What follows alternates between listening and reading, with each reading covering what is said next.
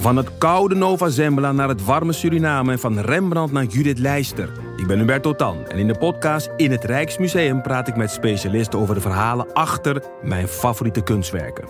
Nieuwsgierig? Beluister nu de nieuwe afleveringen. Je hoort mensen willen zeggen dat het boek beter was dan de film, maar wij van Boeken FM streven naar om de podcast beter te laten zijn dan het boek. Wij lezen de klassiekers die je nog niet gelezen hebt. We lezen de boeken die je heel graag wil lezen, maar waar je eigenlijk voor schaamt om in het publiek mee gezien te worden. We lezen de Libris-winnaars. Uh, we praten over de Nobelprijslariaten. Allemaal zoals je een etentje hebt. Dat je moeiteloos mee kan praten en dat het lijkt alsof je helemaal belezen bent. Wij zijn Ellen, Joost en Charlotte van Boeken FM. En je kunt ons luisteren in je favoriete podcast-app.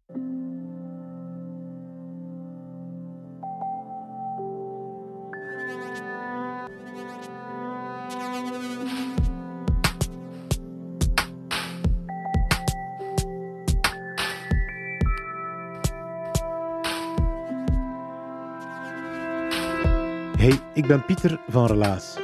In Relaas hoor je waar gebeurde verhalen en die worden verteld door de mensen die ze zelf hebben meegemaakt. We gaan luisteren naar Benny. Hij vertelt een heel moedig verhaal, waarvan ik het superbelangrijk vind dat het verteld wordt. Het gaat over mentale gezondheid, over angsten, over psychische problemen. En omdat we daar niet altijd vrijuit over willen praten, en omdat Benny dat wel doet, daarom ben ik zo'n fan van dit verhaal. Benny vertelde het in november van 2022 in Husset in Gent.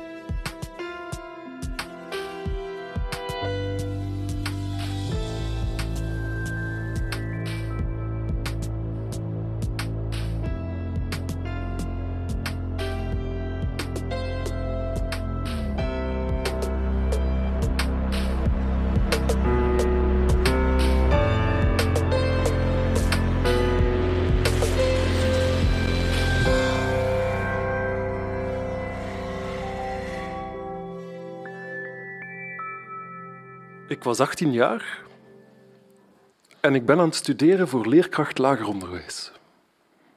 Ik zit bij een klasgenote thuis. Het is al laat. Mijn moeder had al gebeld en ik neem de volwassen en verantwoordelijke beslissing om naar huis te vertrekken. Ik ga naar buiten en ik wandel naar het Sint-Veerlepleintje. Dat is het gezellige pleintje naast het Gravensteen. Daar staat mijn fiets, naast de pilaar op de midden van dat pleintje. Ik kom aan mijn fiets, het is dan ongeveer middernacht. Ik heb mijn sleutel in mijn handen en dan plots niks. Ik ben mij heel bewust waar dat ik ben. Ik ben mij heel bewust wat ik moet doen. Maar het ontbreekt mij aan eender welke motivatie of energie om ook nog maar iets te ondernemen. Het wordt één uur. Mijn moeder belt mij nog eens. Want mijn moeder is een bezorgde vrouw. En, en ze klinkt aan de telefoon uh, licht geïrriteerd en licht bezorgd. Eerder geïrriteerd als bezorgd. Um, ik lieg tegen mijn moeder. Ik zeg, ja, ja, nee, uh, ik ben aan het vertrekken. Ik sta hier aan mijn fiets, ik heb mijn sleutel in mijn hand. Eigenlijk niet echt een leugen, ik was mezelf nog helemaal niet bewust wat er was aan het gebeuren. Uh, en ik blijf daar staan, sleutel in de hand, aan mijn fiets. Het wordt twee uur. Mijn moeder belt nog eens. Deze keer meer bezorgd als geïrriteerd. En ik zeg tegen mijn moeder, alweer liegend, ja, nee, ik zit op mijn fiets. Dat is deze keer ronduit een leugen. Ik sta nog steeds naast mijn fiets, sleutel in de hand. Niet te bewegen. Het wordt drie uur. Mijn moeder belt me weer. Ik heb mijn gsm in mijn handen en ik twijfel even, neem ik deze keer wel op? Welke leugen kan ik nu nog verzinnen? Tegen haar en tegen mezelf. Ik neem op en ik besluit gewoon de waarheid te zeggen. Ik zeg, uh, ik sta hier in het centrum van Gent, aan mijn fiets. Ik heb mijn sleutel vast. Ik raak hier niet weg. Kom mij alsjeblieft halen. Want ik raak niet thuis. Mijn ouders zijn dan heel snel in actie geschoten. Binnen de twintig minuten stonden ze daar met de gezinswagen op het Sint-Veerlepleintje. Het is nog, uh, ik denk dat ik spreek van voor het circulatieplan. En dan was het gewoon ja, mijn fiets in de koffer en, en ik op de achterbank en naar huis. En eens thuis aangekomen, ben ik naar mijn slaapkamer gegaan en, en heb ik gewoon heel lang geslapen. Heel veel geslapen. En de enige reden dat ik mijn kamer uitkwam, was om te gaan eten en om te gaan kakken. Dat was het. Van op dit punt laat mijn geheugen mij vaak in de steek. In de, de drie à vier jaar die hierop volgden, uh, zijn er heel veel wazige momenten geweest. Maar exact, allez, exact. Nadat mijn ouders mij hebben gered uit het centrum uh, van de stad, dan eh, gebeuren er wel volgende dingen. Ik ga ze nu even oplijsten voor jullie. Ongeveer in deze volgorde. Een bezoek bij de huisarts, een voorschrift voor antidepressiva. Uh, veel slapen, heel veel slapen. En als ik niet was aan het slapen en niet was aan het eten en niet was aan het kakken, uh, roepen. Heel veel roepen. Verbaal agressief tegen mijn ouders. Uh, dan maar eens een afspraak bij een psychiater in een ziekenhuis. Een opname in dat ziekenhuis. Een vermoeden van autisme. Een testing. Een bevestiging van het vermoeden van autisme. Toch nog maar eens proberen om die opleiding leerkracht lager onderwijs opnieuw aan te vatten. Falen in die poging. Gewoon thuis zitten. Gewoon veel thuis zitten.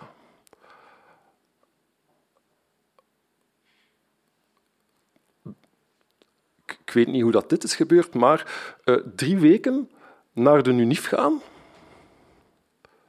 beseffen dat de opleiding fysica en sterrenkunde toch niet helemaal mijn ding is.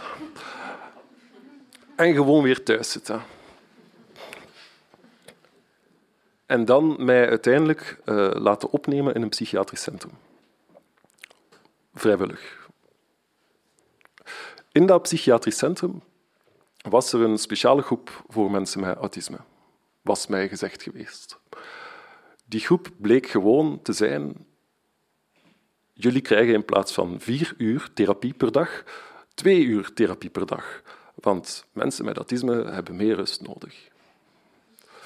Ik snap de logica, maar vier uur bezig gehouden worden terwijl je twintig uur per dag wakker bent omdat je amper nog kunt slapen op dat punt, is, is ook al heel weinig. Dus ik werd twee uur, kreeg ik therapie per dag in die opname.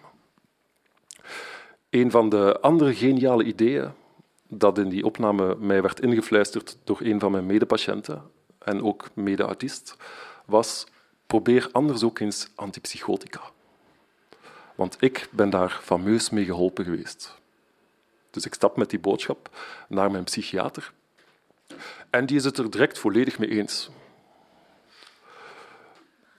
Achteraf gezien kan ik nu wel zeggen dat mijn psychiater het heel snel met heel veel eens was als het te maken had met medicatie.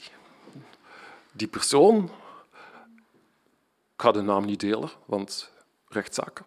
Uh, die persoon... Ja, die persoon was er waarlijk van overtuigd dat je eender welk probleem in het leven kunt oplossen met, met de juiste hoeveelheid pillen in, in een persoon te steken. En oké, dus ik ben toen begonnen aan een periode. Binnen mijn, mijn wazige drie à vier jaar is er een periode van vier weken die ik me heel goed herinner. En dat is deze periode. Ik heb vier weken lang vier verschillende antipsychotica gebruikt. Elke keer een week. Mijn eerste week met mijn eerste antipsychotica, op de eerste dag, had ik al direct een goed ritme. Goed ritme voor die week. Ik ging elke dag, als ik opstond, met een grote shoppingzak naar de winkel en daar kocht ik veel koeken en chips en alles dat vet en zoet en smaakvol was.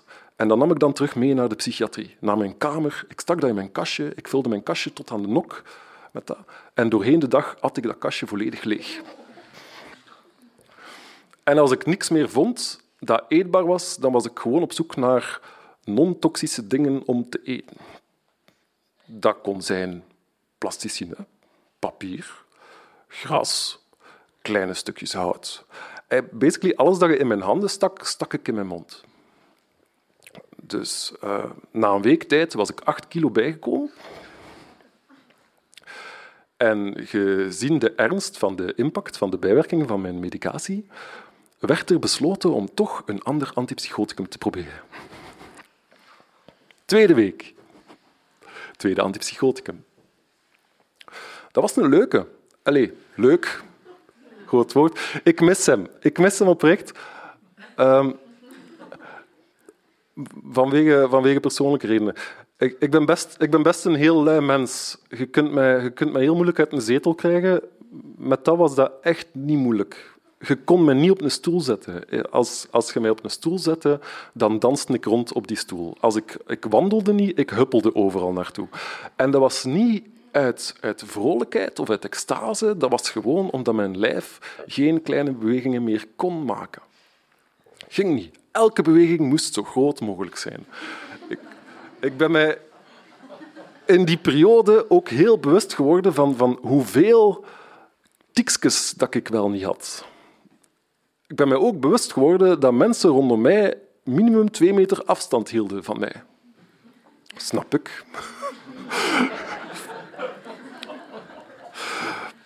Dus na een week op de tweede medicatie uh, werd er besloten, gezien de impact op mijn leven en gezondheid, om toch maar te gaan voor een ander antipsychoticum. De derde week. Derde antipsychoticum. Uh, derde bijwerking. Impotentie. Dus, dus, ik moet daar geen doekjes rondwinden. Uh, ik ben 18 jaar. Ik zit in een internaatachtig gebouw. Ik heb een privékamer. Ik heb net een nieuw liefje daarop gedaan, want dat is wat men doet in de psychiatrie. Constant relaties beginnen met, met zeer emotioneel stabiele medepatiënten. Dus ja. Um, dus ja, het, het, het was zo even schaamte, want, en even, even ook niet. En dan plotseling was er heel snel het besef van ja, dit is, niet, dit is niet mijn schuld, dit is de schuld van de medicatie. Dus het zorgde wel voor een, voor een vorm van schaamteloosheid in mijn, in, mijn, in mijn zeer actieve seksleven toen. Want hey, je hebt twee uur per dag therapie en 22 uur per dag een privékamer. En je lief dat gewoon iets verder op de gang zit. Ja, technisch gezien mochten we niet met twee op die kamer zitten. Oh. Dus mijn seksleven bestond toen uit, uit heel veel kussen, heel veel knuffelen en dan af en toe een slap lichaamsdeel tegen iemand petsen en, en hopen dat, dat iemand er toch iets aan had. Uh, ja, dat was het. Maar dan, gezien de, de impact van de bijwerkingen van de medicatie op mijn leven en gezondheid, hebben we toch maar besloten om een ander antipsychoticum te proberen. De vierde week uh, is waarschijnlijk ook de reden dat ik me dit allemaal nog zo heel goed herinner. Want de vierde week was ronduit absurd en traumatisch. Uh, als je je voorstelt dat je, dat bewustzijn, dat je zelf een, een huis is, dan, en je stapt toe naar dat huis. Ik weet ook niet zo goed waar dat dit naartoe gaat, maar kijk, je stapt toe naar dat huis en je ziet, ah, de brievenbus zit vol, maar is tegelijkertijd leeg. Je klopt aan aan de deur, je belt aan aan de deur, je kijkt binnen door het raam en daar ziet je jezelf zitten op de zetel en die mens besluit gewoon om, om dat allemaal te negeren. Die medicatie zorgde bij mij voor een volledige disconnectie tussen, tussen mezelf, tussen mijn emoties, tussen mijn, uh, tussen mijn enthousiasme, tussen mijn impulsen, tussen, tussen alles gewoon. Alles was gedisconnecteerd. En als er al iets van connectie gaande was, was dat heel moeizaam en heel langzaam. Iedere basisimpuls die uw lichaam u geeft, kwam heel traag of niet. Zoals bijvoorbeeld, je hebt honger. Je hebt honger is normaal een impuls die je krijgt. En dan wordt dat gelinkt naar, ah, misschien moet je iets te eten gaan zoeken. Dat proces alleen al duurde meestal een kwartier.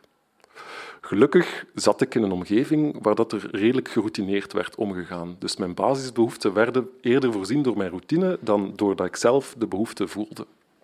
Op het eetuur ging ik naar de eetplaats en daar kreeg ik dan eten. Ik weet niet of ik dat eten op of niet. Dat weet ik niet. Dat was ook niet belangrijk. Mijn doel was vervuld. Ik zat in de eetplaats en ik kreeg eten. Er waren ook zo heel veel van die basisimpulsen die heel traag kwamen of niet kwamen.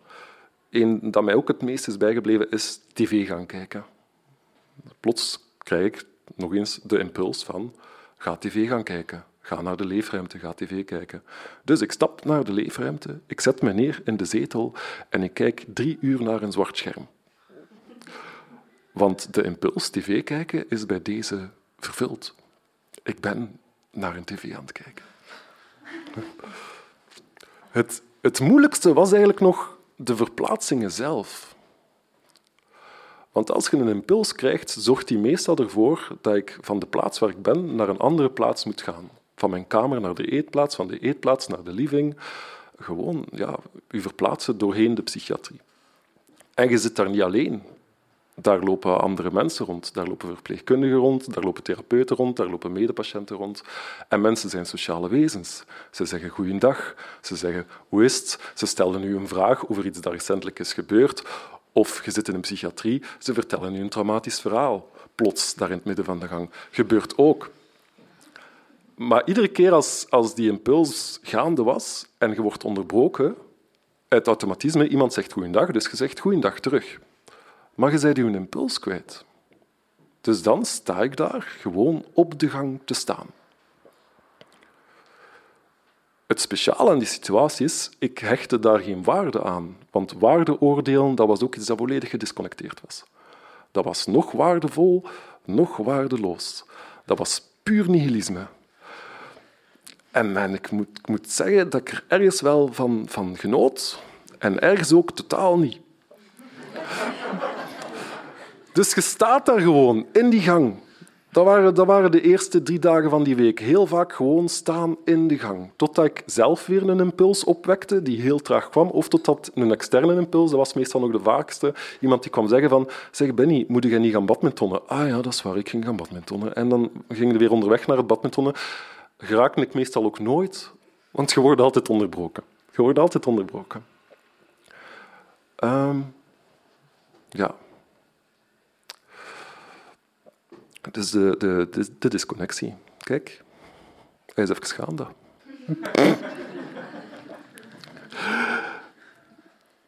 dus ja. Na die week uh, hebben we gezien de impact op mijn leven en gezondheid, maar besloten om er gewoon mee te stoppen met het hele antipsychotica. Uh, experiment daarna, in die opname, heb ik uiteindelijk tien maanden gespendeerd. Daarna is er nog een andere opname geweest. Uh, en dan, ja, steeds meer dat je uit die depressie komt. Dat je af en toe nog eens wat contact maakt met de buitenwereld. Want in een opname zitten is eigenlijk leven in een dorp, midden in een stad, maar je komt die dorp nooit uit. Dat is toch hoe dat ik het heb ervaren. Maar er zijn zo van die momentjes in je leven dat, dat je soms een cadeautje krijgt. Dat je planning net genoeg samenvalt, dat exact, exact alles klopt op exact het juiste moment. Mijn laatste nacht die ik spendeerde in een opname, dat ik daar bleef slapen, was de nacht voor ik auditie heb gedaan om lid te worden van The Lunatics. Dat is nu wel een groepnaam die heel toepasselijk is.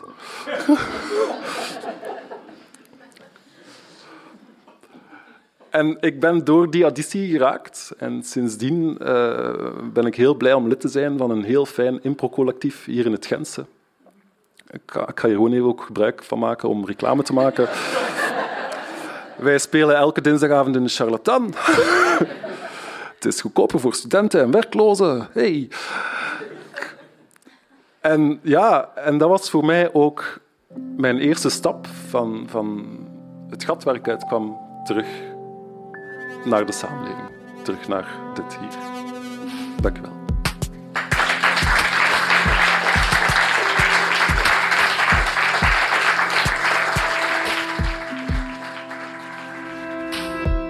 Dat was het relaas van Benny. Hij heeft het verteld in november van 2022. Het was in Husset in Gent. Verhalen over donkere periodes in het leven die kunnen snel heel somber worden. En net daarom vind ik het zo chic dat Benny de hele regenboog aan emoties in één verhaal weet te gieten. Benny, merci daarvoor. Heb je ook zin om een verhaal te vertellen bij Relaas? We zijn altijd op zoek. Meld je aan via onze website. Elke week krijgen we enkele mogelijke verhalen binnen. En als we denken, ja, daar zit wel iets in, dan gaan we met jouw verhaal aan de slag. Je krijgt dan een relaascoach toegewezen, dat wordt jouw nieuwe beste vriend. Je belt daar regelmatig eens mee of je gaat samen iets gaan drinken, je praat over je verhaal en beetje bij beetje vormen we jouw relatie tot wat het moet zijn om het op een podium te kunnen brengen. Wij krijgen subsidies van de Vlaamse gemeenschap en van de stad Gent. Af en toe hoor je ook reclame in deze podcast. En we hebben ook vrienden van de show, vrienden van Relaas, die elke maand 2,5 euro of meer kunnen missen, zodat wij onze podcast gratis kunnen houden voor iedereen. Onze vrienden krijgen extra episodes van Relaas en we organiseren op het einde van dit jaar ook een Relaasvertelavond, exclusief voor vrienden van de show. Geen reden meer dus om niet eens een kijkje te gaan nemen op www.vriendvandeshow.be relaas.